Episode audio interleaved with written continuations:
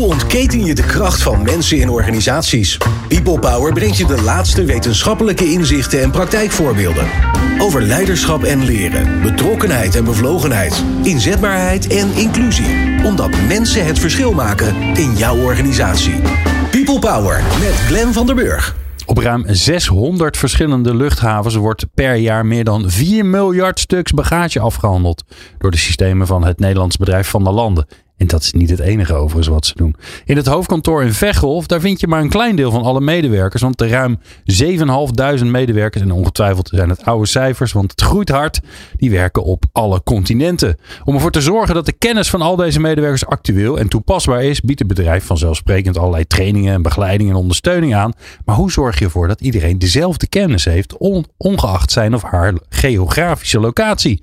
Wat zijn de best practices als het gaat om learning and development in die multinational? En hoe stem je de opleidingsprogramma's af per cultuur?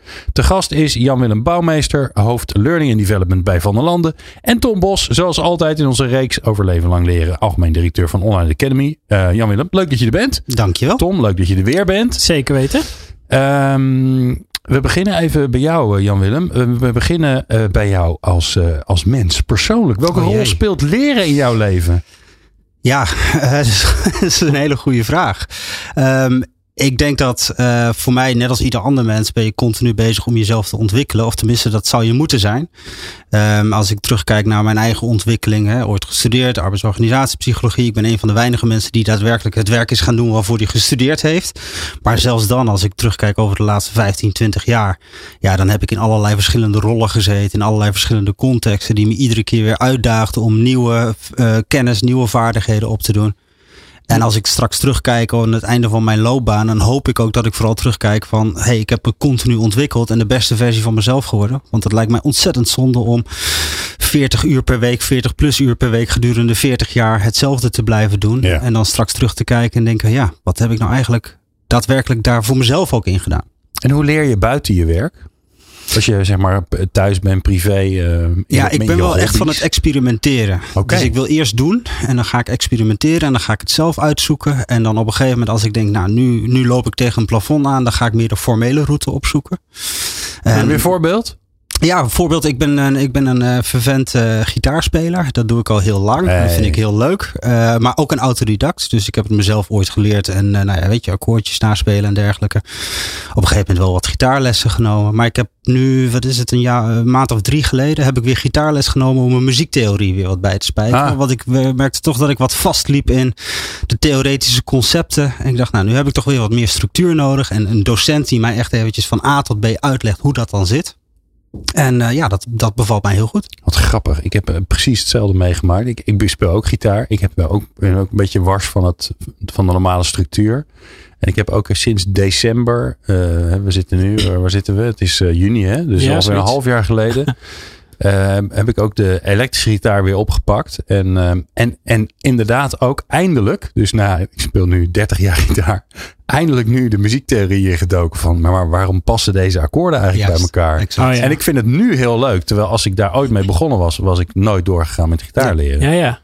Ja, want dat zou natuurlijk mijn vraag zijn. Heb je dan niet achteraf zoiets van, ah, dat is eigenlijk best wel zonde dat ik niet gewoon uh, iets eerder mijn koppigheid aan de kant heb gezet. Uh, ook, ja, ook. De warsheid van het systeem. Ja, ook. Maar ik kan me ook heel, ik kan heel goed accepteren dat dit ook gedeeltelijk is hoe ik nou eenmaal in elkaar zit. Ja, ja. Uh, want dat geldt voor alles in het leven. Dat, ja, ja. Ik, ik, rol, ik, ik, ik struikel een beetje zeg maar over dingen en dan denk ik, oh, wat ligt daar eigenlijk? Oh, dat is een gitaar en dan ga ik er aan, mee aan klooien. En dus, ja, ja. ach. Nou ja, het, het leuke is wel, op een gegeven moment toen merkte ik ook bij mezelf, nou weet je, ik merk dat ik die, die, dat theoretische fundament uh, tekort kom. En dan duik je de wereld van YouTube in. En daar staat een wereld aan.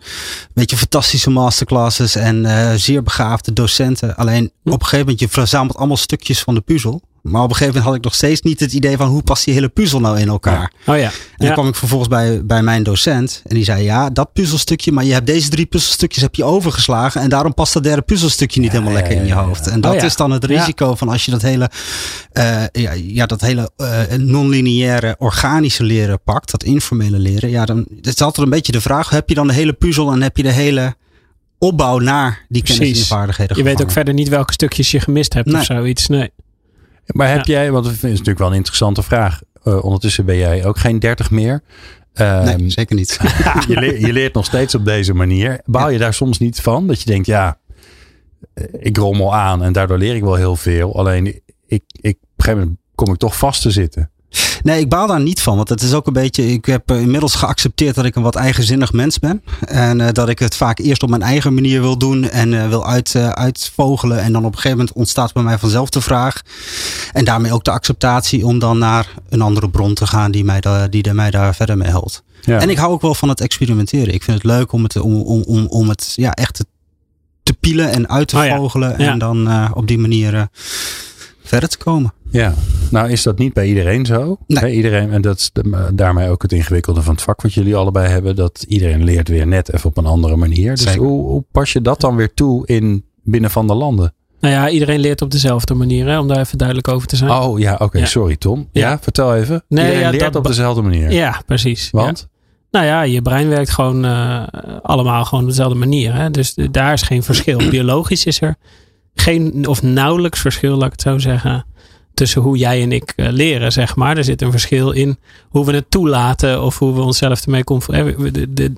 Wat jullie schetsen is het gevoel wat je erbij hebt en een soort van de ontwikkeling die je doorgemaakt hebt in uh, welke vorm je, je graag doet in principe. Ja, ja. Het is meer een soort voorkeur. Ja, terwijl je ook hoort natuurlijk dat misschien juist niet je voorkeur de oplossing zou zijn om, om verder oh, te komen. Ja. Ik zeg ook, weet je, mijn, mijn voorkeur is het experimenteren. Is dat altijd de meest effectieve, efficiënte manier om zo snel mogelijk van A tot B te komen? Nee, dat denk ik niet. Nee, dat denk ik niet. het is wel heel leuk. Het is wel heel leuk. Ja, ja, dus daarom is het een voorkeur. Maar het is niet altijd per definitie de meest efficiënte manier. Ja. Nee, het is een beetje een flauwe side note. Maar het is gewoon. Ja, nee, de, de, wetenschap is gewoon relatief uniform, zeg maar. Dus uh, ja, dat werkt gewoon allemaal hetzelfde. Ja, ja, en daarmee ondergraaf je voor een belangrijk gedeelte uh, kolp, bijvoorbeeld. Ja, dat, dat is natuurlijk ook al wel een heel tijd geleden een maar beetje ja. onderuit gehaald.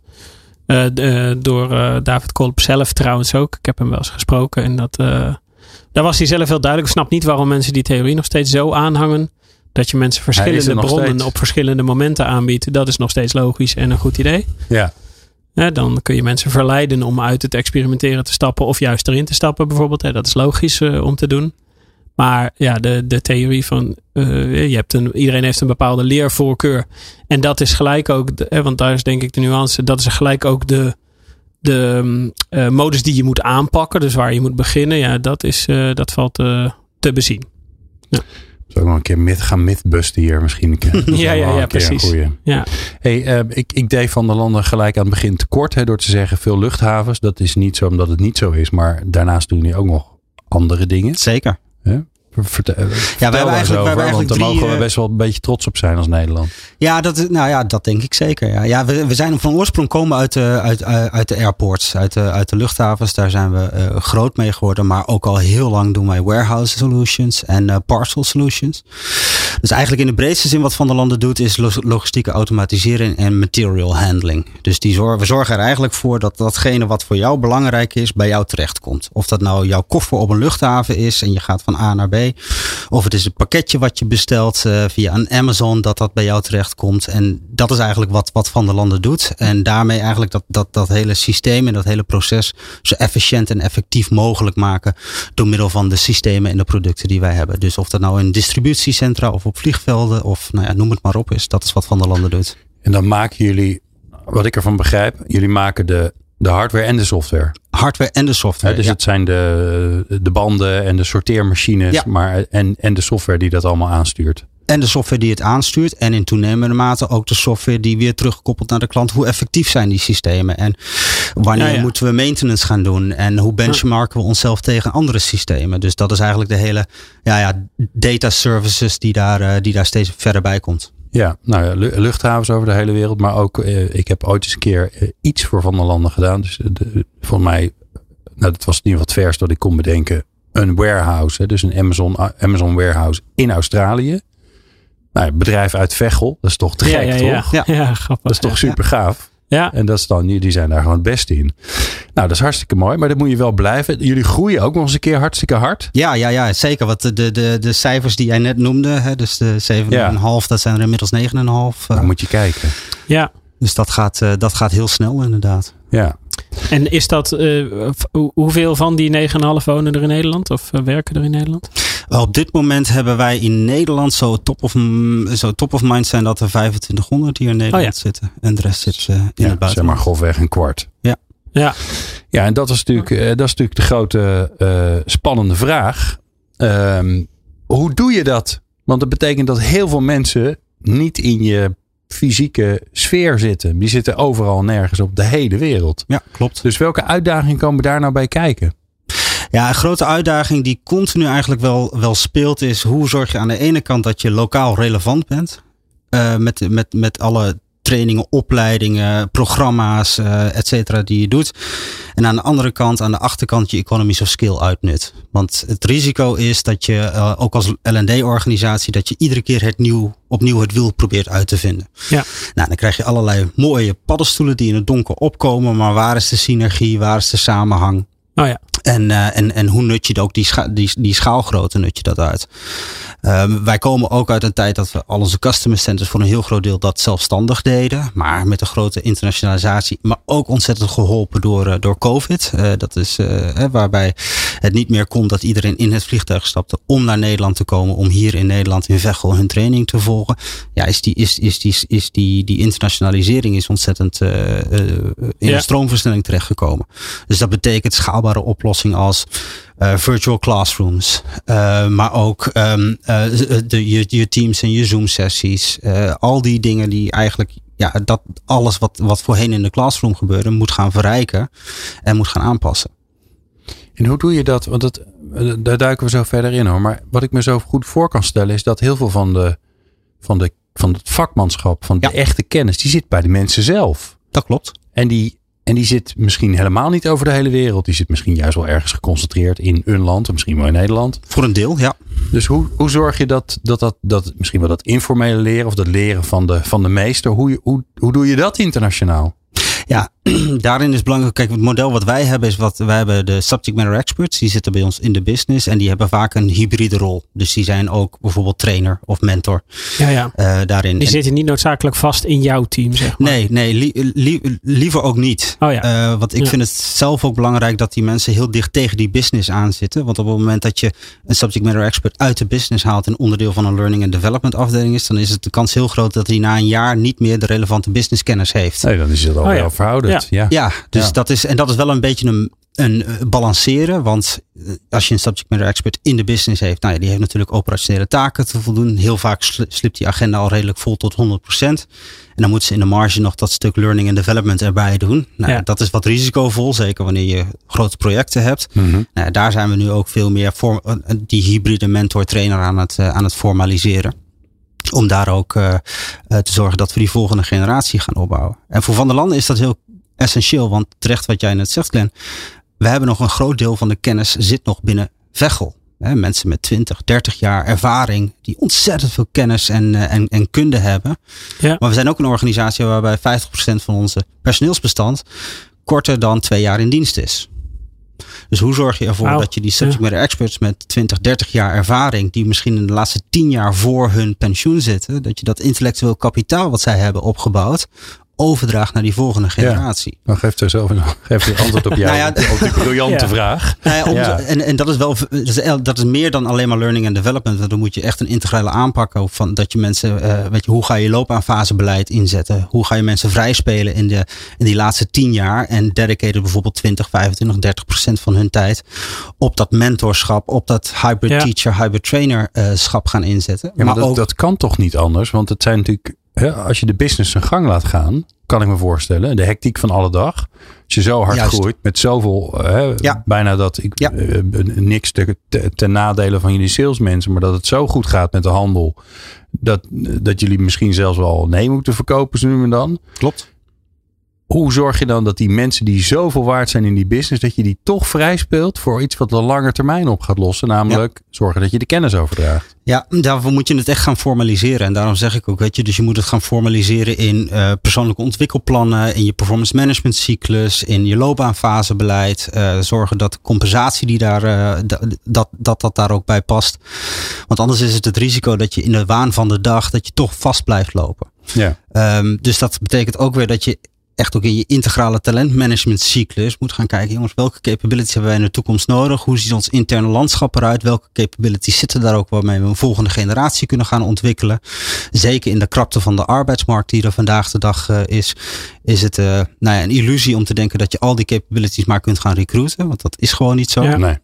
Sterker nog, veel capabilities die in de toekomst nodig zijn, die zijn niet eens te recruiten, want die capabilities bestaan nog niet. Ja, en misschien ook heel specifiek voor jullie organisatie, kan ik me voorstellen, toch? Ja, kijk, wij zijn, wij zijn een organisatie die ontzettend sterk is in engineering. Dat is waar we vandaan komen. Ja, want dat is ook het, uh, typisch uh, de mensen die je aanneemt, zeg ja, maar, daar, engineers. Ja. ja, dus dat is, uh, maar daar zie je steeds meer balans in komen. Dat de data-driven profiles, hè, dus de, oh, ja. de data scientist, de architects, dat zijn rollen die steeds meer erbij komen. Maar dat zijn ook vijvers die over het algemeen al redelijk dun bezaaid zijn. Um, laat staan dat je ze als van de landen, ja, dan zit je ook in één keer in een andere arbeidsmarkt met een andere concurrentiepositie. Um, waardoor het lastiger kan worden. Ja. Maar wat ik nu voor me zie, hè, je hebt die, die subject matter experts, die, zijn, die, zijn ge, die hebben een vlaggetje, hè, je weet wie dat zijn. Ja. Um, die hebben een deel van hun tijd, die, die is ingeruimd om uh, te werken aan nou, opleiding, uh, uh, kennisoverdracht. Hoe, hoe, help je ze, hoe help je hen vervolgens of zet je ze in? Hè? Ik bedoel, dat ligt er maar een beetje van welke kant je het benadert. Om dat daadwerkelijk te gaan doen. Want je bedoel, tijd hebben en, en capaciteit hebben, dan ben je er natuurlijk nog niet. Nee, dat klopt. Daar moet je ze ook, uh, daar moet je ze ook in begeleiden. Want je kunt niet verwachten dat je, als jij een ontzettend goede mechanical project engineer bent, dat je dan alles in huis hebt om iemand vervolgens te gaan trainen of op te gaan leiden. Sterker nog, niet zelfs, denk ik toch? Nou ja, precies. Dat wilde ik net zeggen. Er is een hele grote valkuil, want je, je hebt de curse of knowledge. Hè, de, die, die op het moment dat jij een hele goede subject matter expert bent en je hebt nou ja, de wereld aan kennis over dat onderwerp in je hoofd, dan zijn er twee aannames die erbij zitten. A, iedereen die ik train moet diezelfde kennis hebben die ik heb. Maar heel erg de vraag is of dat inderdaad nog zo is. Tweede vraag is, is de kennis die je allemaal hebt, is nog net zo relevant vandaag de dag als dat die 10, 20 jaar geleden was? Ja. En vervolgens, als je dat dan hebt geïdentificeerd, hoe breng je dat dan over? In plaats van voor een groep te gaan staan en heel veel PowerPoint slides af te gaan draaien. Wat is het didactisch concept? Nou, daarin zijn wij ook juist opgesteld om met onze learning consultants en onze programmamanagers om die mensen te helpen met door middel van trainde trainers. Hè. Dus dat is trainde trainer van hoe ontwikkel je en ontwerp je een training. Dus de meer onderwijskundige kant. Ja. Maar ook de delivery van de training. Dus hoe breng je dat vervolgens in? En hoe zorg je ervoor dat je ook assess dat mensen daadwerkelijk datgene hebben gedaan? Hoe bouw je een business case in? Hoe zorg je ervoor dat je daar bepaalde metrics op zet.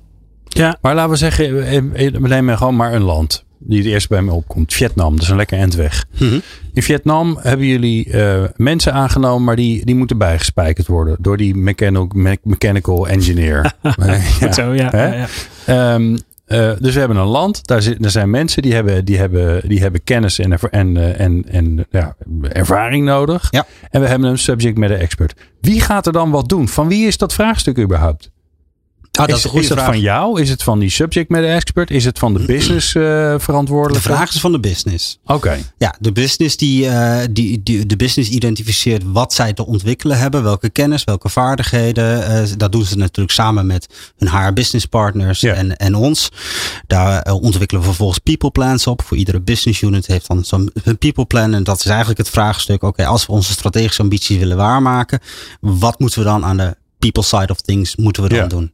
En dat gaat een stuk over recruitment. Het gaat een stuk over eh, eh, eh, succession planning, talent reviews. Maar dat gaat ook wel een stuk over, over ontwikkeling. Ja, nou, dit popt op. Vietnam, mechanical engineers. Oké, en dan? Hoe, hoe wordt dat concreet? Want het staat in een plan ergens. Ja. Nee, dan begin je natuurlijk met een intake te doen van waarom is dit überhaupt belangrijk? En wat gebeurt er als we hier niks mee doen? Dat is altijd een relevante vraag om te stellen. En is leren überhaupt de oplossing gezien het vraagstuk? Want vaak wordt dat ook nog wel eh, onder één een mooie vraag. eh, Ja. dak geschoven. Ja, ja, is leren wel de oplossing? Is leren Ja. wel de oplossing? Nou, dan ga je vervolgens ga je op basis van zo'n intake, da- dan ga je een project ga je scopen en dan ga je kijken van, hey, weet je, wat is nou het persona profiel van die mechanical project engineer in Vietnam bijvoorbeeld? Wat moeten die dan Oké, kennen? maar, kunnen? maar een, een adviseur in jouw team, die Ja. gaat dat doen. Ja. Dus ja. die gaat helpen, die zegt, joh, oké. en die gaat eh, zoeken in die hele grote bak met al die eh, briljant slimme mensen. Ja. En die denkt dan van, die moet ik hebben. Ja. Eh, zij is geweldig. Uh, en dan wordt er samen wordt er iets moois gemaakt. Nou, we, beginnen altijd, we, beginnen, we beginnen altijd wel met een projectgroep. Hè? Dus met een aantal subject matter experts uh, die daarin zitten. Want het risico als je één subject matter expert hebt, dan is zijn werkelijkheid is de werkelijkheid. Ja. Oh ja. Terwijl als je dan juist in, in andere regio's, omdat markten daar anders zijn, omdat systemen daar anders zijn, hoor je toch dat er heel veel nuancering is. Dus daarom willen we eigenlijk altijd wel, zeker bij die global projecten, willen we dat alle regio's vertegenwoordigd zijn. Uh, zodat we niet een, weer een, een one-time solution voor één specifieke target group ont, uh, ontwikkelen. Ja. Ja. Dus dat is, echt een, dat is echt een wisselwerking tussen een aantal subject matter experts uit de business, HR en, uh, en ons, waarbij wij het proces begeleiden en dat ook helemaal hebben doorontwikkeld. Van oké, okay, we beginnen met een intake, daarin hebben we een aantal dingen te doen. Nou, dan hebben we een sign-off, dan ga je naar design en development. Nou, dan krijg je een build-on-buy moment, hè, dan gaan we het zelf ontwikkelen of gaan we een partner uit de markt halen. Nou, en zo, zo bouw je eigenlijk zo'n heel programma op. Mooi. En stel nou dat dat een uh, Vietnamese subject matter expert is hè, die je vindt. Mm -hmm. Pas jij dan het programma aan voor wanneer het in Brazilië met zo'n persoon weer, uh, zeg maar als het een training is, zeg maar, hè, dan Ja. pas je die aan om hem ook in Brazilië te geven? Of is dat gewoon hetzelfde? Of hoe ziet nee, dat dat, is eruit? niet, nee, dat is niet per definitie hetzelfde. Nee, absoluut ja. niet.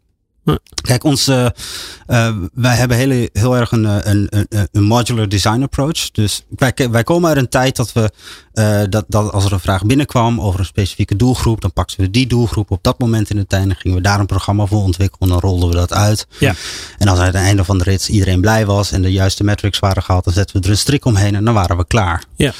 Het probleem daarvan, van dat, van dat model is, en binnen de engineeringwereld noemen we dat ook wel engineer to order, is dat je altijd, um, dat je altijd uh, maatwerk levert die vervolgens niet herproduceerbaar, reproduceerbaar is of schaalbaar is. Ja. Dus waar wij veel meer naartoe gaan is dat je veel meer modulair werkt. Hè? Dus modules van verschillende modules, Lego blokjes om het maar zo te zeggen, een programma maakt. En doordat je Lego blokjes maakt kun je ook makkelijker customizen naar een lokale context. In plaats van dat je weer vanaf nul begint kun je bijvoorbeeld als je een programma wil uitrollen van het ene land naar het andere land zeggen oké okay, weet je we pakken de eerste zeven blokjes pakken we wel. Maar de laatste drie blokjes passen we, pakken we niet want die passen niet in die context. Ja. Ja. En op Oh ja. die manier um, zorg je ervoor dat je aan de achterkant een stuk standaardisatie doet. Terwijl je aan de voorkant flexibel blijft met, uh, met, je, met je programma's. En tegelijkertijd uh, ook, ook een gedeelde mindset uh, ophoudt. Want je hoeft het dan niet meer te hebben bij een leiderschapsprogramma. Gaan we een grow model of gaan we een ander coachingsmodel gebruiken? Nee, dat is het model. Alleen in die context, hoe brengen we dat dan over? Ja, precies. Ja. En bedenk jij dan ook nog van tevoren, zeg maar, hoe je zorgt dat je er. Uh, en met al die Lego blokjes, je kan natuurlijk iets heel moois maken met een hele hoop Lego blokjes en iets heel lelijks. Zeker. Van hoe je beïnvloedt dat het iets moois gaat worden. Ja, daarvoor je zit, ze de juiste volgorde of uh, de juiste kleuren bij elkaar Ja, of wat dan ook, zeg maar. Ja, Ja, en daar zit, daar zit onze verantwoordelijkheid ook om ervoor te zorgen dat, uh, dat het design dat dat klopt. Ja, Ja, ja. dus dat daar al die hele, alle ingrediënten in zitten. Dus dan moet een stuk social learning moeten in zitten. Er moet informal learning on the job, business cases, een stukje formeel. Nou ja, dat is onze verantwoordelijkheid om ervoor te zorgen dat die puzzel op de juiste manier gelegd wordt. En dat Ja. is ook de expertise die wij inbrengen. ja Ik zeg wel eens heel simpel gezegd, subject matter experts brengen de inhoud, wij brengen de vorm. Oh ja. Ja, en ik hoor je eigenlijk zeggen, we maken, uh, vroeger maakten we een maatdesign waarbij eigenlijk alles mogelijk was. En Ja. nu maken we een design op basis van wat we, wat we op voorraad hebben. Uh, dus, het, dus het is iets meer gekaderd, Ja. uh, zodat je niet elke keer het wiel hoeft uit te vinden. Ja, exact. Alright. Um, we hebben natuurlijk dat hele verhaal van die subject matter experts een beetje gehad. Ik kan me ook voorstellen, misschien moeten we wel gewoon leiderschap nemen. Of misschien heb je een ander leuk voorbeeld. Je zegt van nou, wat, wat door die hele organisatie in één keer moet gebeuren. Omdat ja. het belangrijk is om, oh ja. Hè, ja. om, om de cultuur aan te veranderen. Ja. Of, hoe doe je dat dan in zo'n wereldorganisatie waarbij je inderdaad niet meer wil dat iedereen naar één plek gebracht moet worden. Ja. Waar, en, en dan ook überhaupt het idee hebben dat je in drie dagen iedereen Ja. een ander kleurtje kan spuiten. Ja. de logistiek ben ik in geïnteresseerd, maar ook dat kleuren spuiten inderdaad. Van hoe, uh, hoe doe je dat uh, cultureel gezien? Als Ja. wij, wij Hollanders zijn nog wel eens wat direct en misschien een beetje kortaf, zeg maar. Hoe uh, Ja. organiseer je dat in het buitenland? Ja. Ja. Dan kom je echt veel meer op de change management uh, kant ook, uh, ook uit. Van hoe ga je die verandering uh, faciliteren. Dus dat betekent dat je heel goed moet gaan kijken naar, weet je, welke groepen wil je nou bereiken? Waar staan die groepen? Zijn ze, zijn ze hier klaar voor of zijn ze er niet klaar voor? Hebben ze al, hebben ze al iets, iets van exposure gehad daarom? Hebben ze er überhaupt zin in? Ja. maar ook betrek die mensen die je wil bereiken, betrek ze erbij. Dus bijvoorbeeld, wij hebben een, een, heel groot programma op dit moment rondom high performance culture. Is een van onze topprioriteiten binnen onze organisatie op dit moment. Waarbij we ook nou ja, programma's rondom high performance teams door de hele organisatie uit gaan rollen. Ja, er zit een ambassador programma omheen. Er zit een facilitator programma omheen. Waarbij we mensen uit onze eigen organisatie als ambassadors ontwikkelen. Die hebben ook een die hebben ook echt de spreiding van de organisatie. Dus dat is daar niet alleen maar Vechel-based ambassadors, maar dat is echt organisatiebreed. Zijn dat hetzelfde met de facilitators? Hoe ontwikkel je een ambassador? Die moet toch zelf enthousiast zijn? Ja, precies. En, wat doe je dan ja, vervolgens? Ja, nee, de ambassadors zijn inderdaad de mensen die al uh, die, die soort van natuurlijk sponsorschap uh, uh, laten zien. dus die, die sowieso. Maar dan vervolgens, oké, okay, weet je, hoe kun jij je ambassadorrol pakken? Hoe kun je bijvoorbeeld aansluiten bij je coffee talks? Hoe kun je dit onderwerp oh, ja. eigenlijk constant in je dagdagelijkse business en de netwerken, die contacten die je hebt binnen de organisatie, ehm, aanzwengelen om, om dit onderwerp nou ja, een vruchtbare bodem te geven. Dat lijkt me nou, het is wel grappig. Volgens mij kun je, cultuur heeft natuurlijk invloed op alles. En dan bedoel ik niet bedrijfscultuur, maar uh, cultuur van de plek waar je toevallig bent. Hè, ja. Het land ja. waar je bent. Maar bij zo'n ambassador ding mm -hmm. heb je dat volgens mij helemaal heel erg. Ik zal je een voorbeeld geven. Um, uh, ik heb het een en ander voor NXP gedaan, wat een fantastisch bedrijf is. Um, maar dan is het al mijn cultuur versus de engineerscultuur. En, ja. en mijn cultuur is een wereld van superlatieven. Hè? Dus dan, ik ging bijvoorbeeld een, een workshop met ze doen. En dan was het, wanneer had je echt een fantastische dag in je werk? Wanneer ja. was het helemaal top? Ja. Voelde je on top of the world? En het antwoord de eerste keer dat ik een deed was, nooit. Nee. Nee, heb ik niet. En ik dacht, nou, dat kan niet waar zijn. Maar dan ga je in gesprek en dan kom je erachter dat die superlatieven, die, die, die het zegt ze niet veel. Ja. Nee, dat is niks in hun wereld. Ja. Terwijl als je zegt, goh, wanneer had je een lekker dagje, weet je wel, dat het gewoon allemaal lekker liep en zo. Dan komt er, komen er hele mooie verhalen uit. Ja. Alleen ik zou het label daarop leggen. On top of the world. Fantastisch. Ja. En zij zeiden gewoon, nou, we hebben gewoon een lekker dagje gehad. Ja. En kan je nagaan hoe, hoe dat is als je over de hele wereld allerlei culturen Ja. hebt. En dan Precies. moet je mensen gaan laten praten over waar ze enthousiast over zijn. Ja. Nou ja, en, en, en niet, niet alleen de cultuur, maar ook ehm, laat, je ze, laat je die ambassadors, laat je dat alleen senior managers zijn. Oh ja. Dat lijkt mij een heel onverstandige keuze. Ook, laat ik het zo zeggen, lijkt mij een onverstandige keuze omdat wij die keuze niet hebben gemaakt. Ja. Maar juist ook, weet je, door alle echelons van de organisatie, die ambassadors. Want weet je, de, de, de een die praat makkelijker met de ene doelgroep en de ander praat makkelijker met de Oh ja. andere doelgroep. Ja. En je wil juist die kruisbestuiving, je wil dat gesprek tot stand laten komen. En je wil horen van, hoe kijken de mensen daar nou tegenaan en wat is hun perceptie daarop. En die feedback vervolgens weer terug naar het programma laten komen, zodat we daar ook aanpassingen in kunnen maken.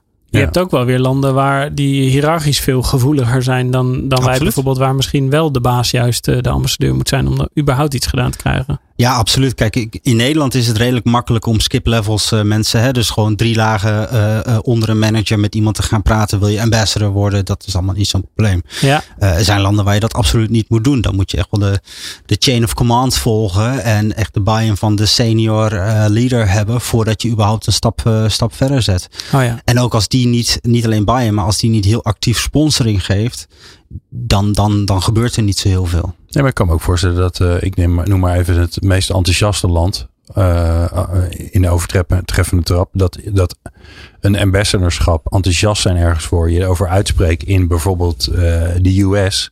Ja. Dat het totaal is dan, erger, dan in Azië. Dat is anders, ja, toch? absoluut. Maar ook een andere verschijningsvorm heeft. dat heeft zeker een andere Maar verschijning. hoe, ga je, hoe, hoe stop je dat in een programma? Ja, ik weet niet of je dat in een programma, want dan wil je alles formaliseren. En ik weet niet of je alles wil formaliseren. Ik, ik denk dat het voor een deel ook, voor een heel groot deel, die ambassadors, dat die echt A, zich heel bewust zijn, waarom doen we dit? Eh, en waarom is dit belangrijk voor ons? Ehm, maar ook heel bewust de keuze maken, ik stap hierop in. Ik ben, weet je, ik ga actief sponsorship daarin uitgeven. En dan geef je ze een aantal tools, maar zij gaan het verhaal op hun manier naar hun business toe, eh, toe brengen. Zoals dat past binnen hun cultuur, zoals dat past binnen, maar ook de business die zij, eh, die zij, eh, die zij draaien. Dus ik zou dat niet als een, als, het is veel meer een, nou hier heb je een lijst met ingrediënten. Ja. En je hebt een benadering hoe je de soep kunt koken, maar wij gaan je niet vertellen hoe je die soep zelf moet gaan koken. Ja. Want daarin zit ook het concept van leiderschap is heel erg verschillend tussen cultu- door culturen heen en de verantwoordelijkheid die je als leider hebt binnen die cultuur. Ja, en ik, ik, ik hoor je eigenlijk zeggen, ehm, we, we vragen ze veel meer van hoe zou je dit doen? En laten ze dat misschien ook uitwisselen onderling. En Ja. dat is anders dan dat je zegt, oké, als je bij de koffie staat, moet je, dan is het handig dat je dit doet. Terwijl dat in, hè, want als je op het moment dat je de inhoud ingaat, Ja. dan wordt het ineens contextafhankelijk. Juist, exact. Ja, ja, ja, oké. Waar loop je nou? Want die cultu- culturele verschillen vind ik wel heel interessant. Wa- Wat, waar ben je een keer de mist in gegaan? Oh, waar ben ik een keer de mist in gegaan? Ehm, ja, je niet per se je, maar nou, nou ik, ben, ik, ik, ik ben wel eens de mist ingegaan met dat ik dacht dat er een gemeenschappelijke vraag zat. Hè? Dus eh, dat ging over een stuk eh, sales development, eh, was in, uit het verleden. Waarbij ik dacht dat er een gemeenschappelijke vraag zat. Want iedere individuele leider die zei, ja, weet je, hier moeten we, hier moeten we iets mee. Ehm, nou, vervolgens op basis daarvan project neergezet, eh gescoopt, een aantal potentiële partners uitgenodigd, al die leiders daar, presentaties en dergelijke. Alleen toen kwam het puntje bij het paaltje dat ze zeiden van ja, we willen hier wel wat mee, maar we willen hier lokaal wat mee. En we willen hier helemaal niet Oh, een ja. global programma van gaan maken, want dan maakt het allemaal veel te complex. En Oh, ja. vervolgens, eh, eh, want je kunt onze business niet met de business X of met de business Y eh, vergelijken. Dus er ontstond heel erg een, maar wij zijn uniek en daardoor passen wij niet in het global plaatje. En dat is Ja. wel iets wat ik, wat ik toen heb meege- meegekregen, dat die perceptie van wij zijn hier uniek, hoe reëel of, eh, nou ja, het is niet altijd reëel, want soms is het ook eh, not invented here eh, Mhm. wat, wat meespeelt. Dat dat wel iets is waar ik, waar ik heel veel aandacht aan besteed, in hoeverre mensen willen meegaan in iets wat global is, of juist zeggen nee, ik wil het local hebben, of valt er iets tussenin te zitten. Ja.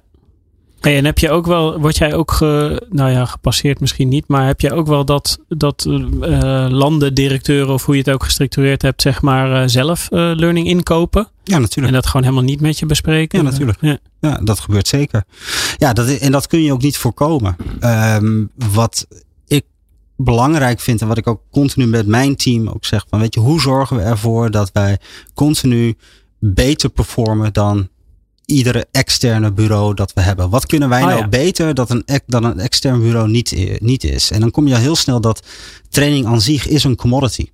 Weet je, een training kun je overal inkopen. Het zijn altijd goede trainingen. Ja, niet altijd, maar meestal zijn het goede, goede Ja. trainingen. Ja. Dus zijn wij dan van het inkopen van trainingen? Nee, denk ik niet. Kijk, wat wij als geen ander weten, wat een extern bureau niet weet, is hoe draait onze business? Waar loopt onze business tegenaan? Eh dus, dus als je het hebt over hè, product leadership, customer intimacy en operational excellence, hè, die drie waardecreatiestrategie, ja, dan zit het op die customer intimacy. Daar hebben wij juist echt een, een, een, een andere rol in te spelen. Door onze business te begrijpen, door onze business leaders te begrijpen. En dan kunnen we vervolgens ofwel ontwikkelen het zelf, of we zoeken een partner daarbij. Ja. Maar dat is een hele terechte vraag. Ja, en jij, jullie kiezen dus voor die rol.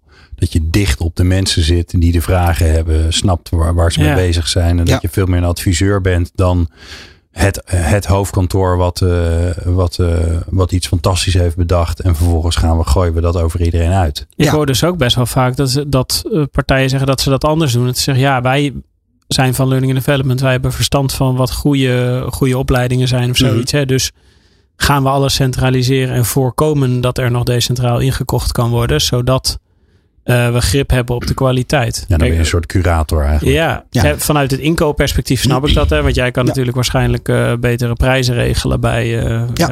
een trainingsbureau of zoiets. Ja. Omdat die meer inkopen. Maar Ja. Kijk, voor een deel gebeurt dat bij ons ook hoor. Dus dat is, bij ons zijn we ook wel van, eh, van een heel decentraal model naar een steeds centraler model Ja. eh, toegegroeid. Juist ook om deze reden, omdat we die hele sterke groei hebben eh, doorgemaakt.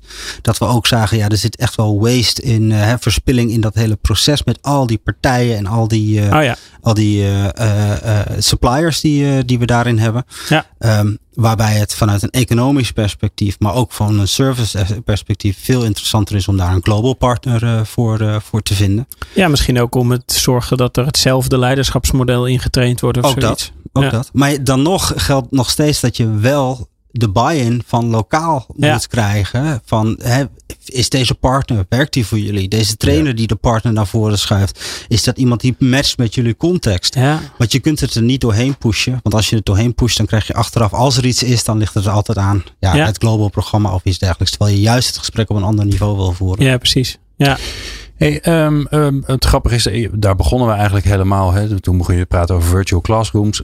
ehm, wat heeft COVID gedaan met het digitaliseren, uh, uh, online maken van alles wat jullie op het gebied van leren doen? Ja, heel veel.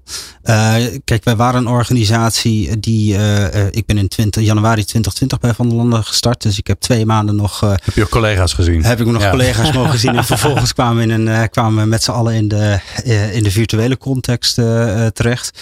Um, kijk, Van der Landen stond al langer. We, willen richting Online Academy. We willen, we willen een stuk van ons, van, ons, van ons curriculum in ons portfolio willen we digitaliseren. Alleen er was geen sense of urgency. Er was het, het, is gedragspatronen. Hè. We waren gewend, oh ja, we vliegen naar Veghel en dan stappen we in een trainingslokaal en dan gaan we dat doen. En ja, wij hadden ook gewoon die sense of urgency nodig, net als heel veel organisaties, om in één keer die switch te kunnen maken. Dus wij hebben een deel, uh, we hebben inderdaad een aantal content libraries hebben wij, uh, hebben wij uh, hebben we aangeschaft, maar we zijn ook voor een aantal, zeker de subject matter expert trainingen, zijn we naar virtuele versies toegegaan.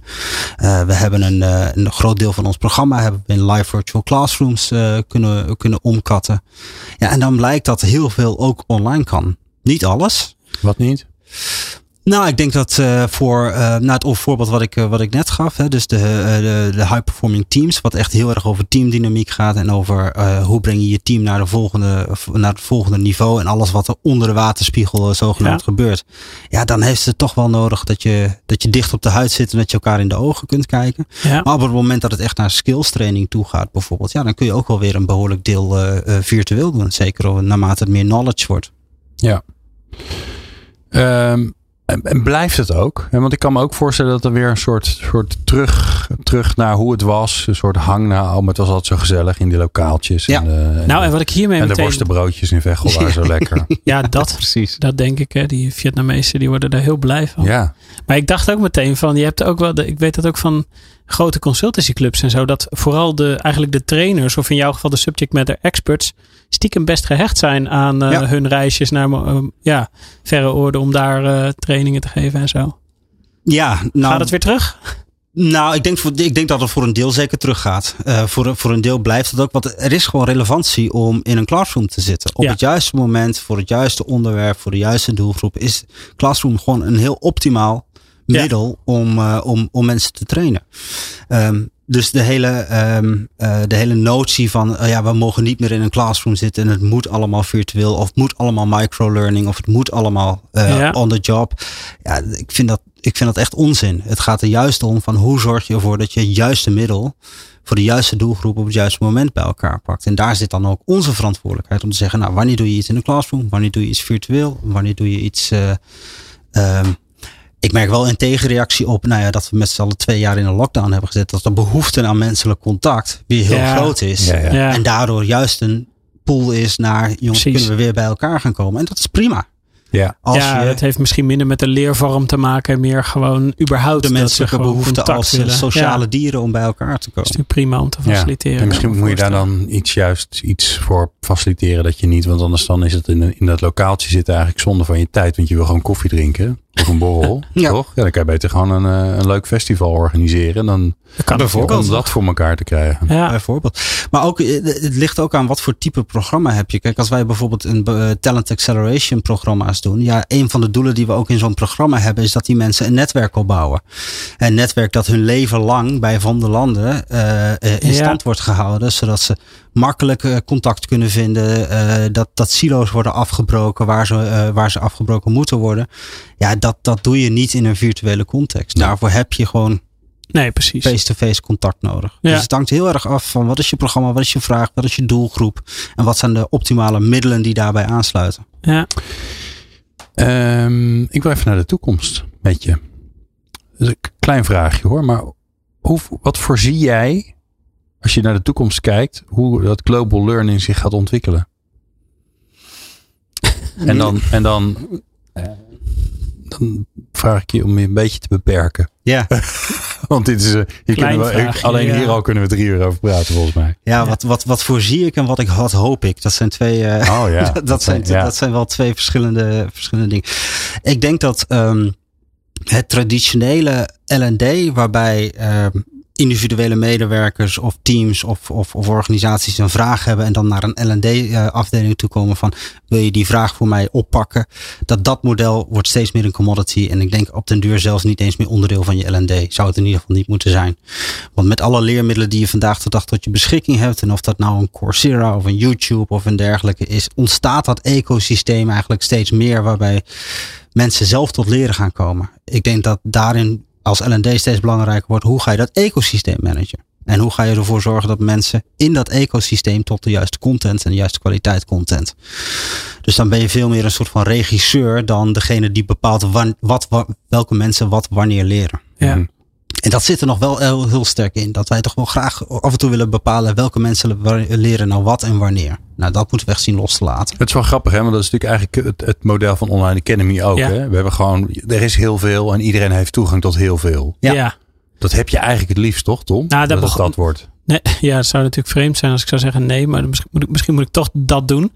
Want um, kijk, dat is altijd het begin geweest. Hè? Dus het was zo, je had uh, Classroom en Classroom heeft restricties. Namelijk, je moet het uh, organiseren. Je moet het plannen, dan moet je erheen.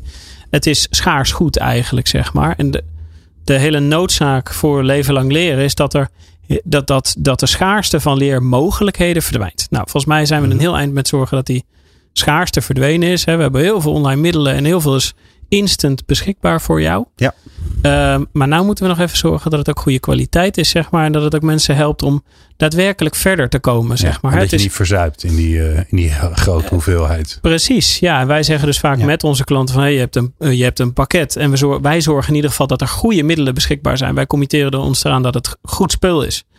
En die klant moet de waarde eruit trekken, zeg maar. Moet zeggen, oké, deze, deze producten heb ik eruit nodig. Die passen daar, die passen daar. Deze moet ik een beetje aanpassen. Daar, daar of ik ga zelf iets creëren. Maar, maar, dat is het belangrijkste. Dat je samen een soort van echt uh, op scherp gaat zetten wat er nodig is. Ja de eerste grenzen weghalen, dan ook zorgen dat het uh, goed is en gebruikt wordt. Ja, en ik denk, ja. als ik daarop aan mag vullen, denk ik, wat daar ook belangrijk in is, is dat je diversiteit in je, in je leerlandschap goed is. Hè? Dus, uh, ja. dus, dus uh, dat, dat je een rijkheid aan verschillende leermiddelen hebt die passen bij nou ja, die vier generaties op de werkvloer die daar rondlopen, die allemaal ook weer zo hun eigen behoefte hebben over, nou ja, weet je, hoe, op welke manier wil ik wanneer en waar leren. Ja. Ik denk de focus, om jouw vraag nog verder te beantwoorden, eh, Glenn. Ja. Um, uh, ik denk dat dat deel wordt een commodity. En waar uh, learning and development veel meer naartoe moet gaan, is veel meer integraal door die hele employee lifecycle gaan opereren. Dus weet je, beginnen bij hoe ziet je strategic workforce planning eruit? Wat zijn die future capabilities die je nodig hebt? Waar, gaan die, waar komen die vandaan? He, kunnen we ze uit de Nederlandse arbeidsmarkt, maar je ziet ook steeds meer internationaal mobility. Waar komen die mensen vandaan? Op welk niveau komen die mensen uit de universiteitsbanken in China, uh, Noord-Amerika, Europa? Uh, wat moeten we vervolgens aan upskilling, reskilling doen? Dus dat is veel meer strategisch naar de toekomst gaan kijken. Van in die snelheid van ontwikkeling, in die korte halfwaardetijd van, uh, van skillsets. Hoe zorgen we ervoor dat we er op tijd bij zijn? Halen jullie ook mensen naar Nederland eigenlijk? Ja. Oh ja. Ja. ja. Ja, dat is wel iets waar je natuurlijk helemaal gezien de krapte in de, op de arbeidsmarkt eh, van dit moment, waar je wel nog een soort van oplossing kan vinden als internationale organisatie, kan ik me voorstellen dat je gewoon een soort, je vist uit een veel grotere vijver als ze niet in Veghel hoeven te wonen. Dat klopt inderdaad. Ja. ja en, en, en, en sommige, sommige uh, capabilities zijn ook gewoon beter. Kijk, in India komen, komen ieder jaar 2,5 miljoen engineers uit de, uit de universiteitsbanken. Ongelooflijk, hè? Wauw, dat is echt wauw, ja. En Dat, zijn, dat zijn hele hoog gekwalificeerde, goed opgeleide, ja. uh, goed opgeleide engineers. Uh, dus dus um, het idee dat, dat, dat de kwaliteit in Europa beter is of in Noord-Amerika, dat is helemaal niet waar. Oh, ja. Het is op sommige gebieden zal dat waar zijn, maar dat, zijn, dat is echt wel, dat hangt af van het profiel dat je zoekt. Ja. En moet je het naar Nederland halen? Ja, soms wel. We hebben in Veghel, uh, bij ons hoofdkantoor, hebben we 50 culturen op onze campus rondlopen. Oh ja. ja. Um, maar uiteindelijk is het belangrijk dat je ook daar waar je business is, dat je daar je capabilities hebt. Ja, precies. Ja. Dus gewoon uh, lokale Vietnamezen in, uh, in Vietnam. Ja, nou, in, in Vietnam hebben wij niet een hele grote. nee, we blijven in die case. Ja, ja. ja, we hebben precies een land uit, uitgekozen waar precies. er niet heel veel gebeurt. Nee, ja. maar, uh, maar inderdaad, India, China, ja. dat zijn inderdaad. Ja, en daar moet je ook hele andere programma's. Dat, dat was een soort van vraag die nog in mijn hoofd slingert. Van, draai je daar nou andere programma's in termen van de uh, leervorm, zeg maar. Hè? De, de, ga je nu een soort van in het ene land een hoorcollege organiseren en in het andere land een microlearning, e-learning ding. Of zeg maar, of uh, voor, voor hetzelfde onderwerp Hmm. bedoel ik dan. Ja. Uh, verschilt dat per, per cultuur of per land welke vorm van leren je kiest? Ja, soms wel. Soms wel. Dat, Ja, ja. eh, dat, het, ja, wederom, het ligt eraan wat is het onderwerp, wat is de doelgroep waar je, waar je, mee, te, waar je mee te maken hebt. Maar soms dan kies je inderdaad voor een andere vorm. Eh, kijk, uiteindelijk, uiteindelijk wil je naartoe dat mensen het kunnen toepassen. Dus dat ze in hun werk die kennis en die vaardigheden hebben opgedaan om vervolgens die toepassing te doen. Alleen om Ja. daar te komen heb je soms een andere route nodig. In China bijvoorbeeld dan in, eh, dan in Nederland. Ja. Heb je daar een voorbeeld van? Want ik, ik, ik kan me voorstellen, iedereen die thuis zit, die, denkt, die, die, die in, in, de- een beetje in dezelfde wereld opereert, die denkt, ja, dat is nou precies waar ik in mee zit. Want eh, ik, heb een, eh, ik heb een workshop en die moet ik in de hele wereld eh, moet die gaan uitrollen. Ja. Eh, maar ja, Ja. moet ik dat ding overal gaan aanpassen? Hè? Ja. Moet ik, ik, ik weet eh, heel veel van, nou ja, hè, dat weten jullie natuurlijk ook. Vaak is het bij zo'n workshop, dan heb je een soort opener. Er zit altijd een energizer in. Die, die energizer moet wel leuk zijn, maar niet, onco- niet te oncomfortabel. Precies. Hè? Nou ja, Ja. Dat, wat, dat wat oncomfortabel is, dat is nogal anders in, in verschillende delen van de wereld. Ja, absoluut. Ja. absoluut. Kijk, je kunt daar eh, een heel eenvoudig voorbeeld. ehm, eh, feedback. Hè, je, stel je, je zou een training feedback eh, geven willen, willen organiseren. Nou, in Nederlands uh, stel we heel. We doen het even oldschool. In een, in, een, in een classroom twee dagen feedback geven. In Nederland doe je dan rollenspellen en dan mensen elkaar feedback geven. Ah ja. ja. Kijk, als je meer richting een collectivistische cultuur gaat, ja, dan moet je altijd heel behoedzaam zijn over mogelijk gezichtsverlies. Hè? En openlijk feedback geven is niet iets wat, uh, wat, je, daarin, uh, wat je daarin snel doet. Ja. Uh, dus daar moet je sensitief op zijn. Nou, wat je daarin kunt doen is dat je bijvoorbeeld het rollenspel bijvoorbeeld in een andere kamer laat plaatsvinden en dat het wordt opgenomen en dat mensen met post-its bijvoorbeeld dan feedback kunnen geven, zodat het, wat indirecter is en wat, wat, wat meer Oh, beschermend ja. voor het gezichtsverlies is. Ja.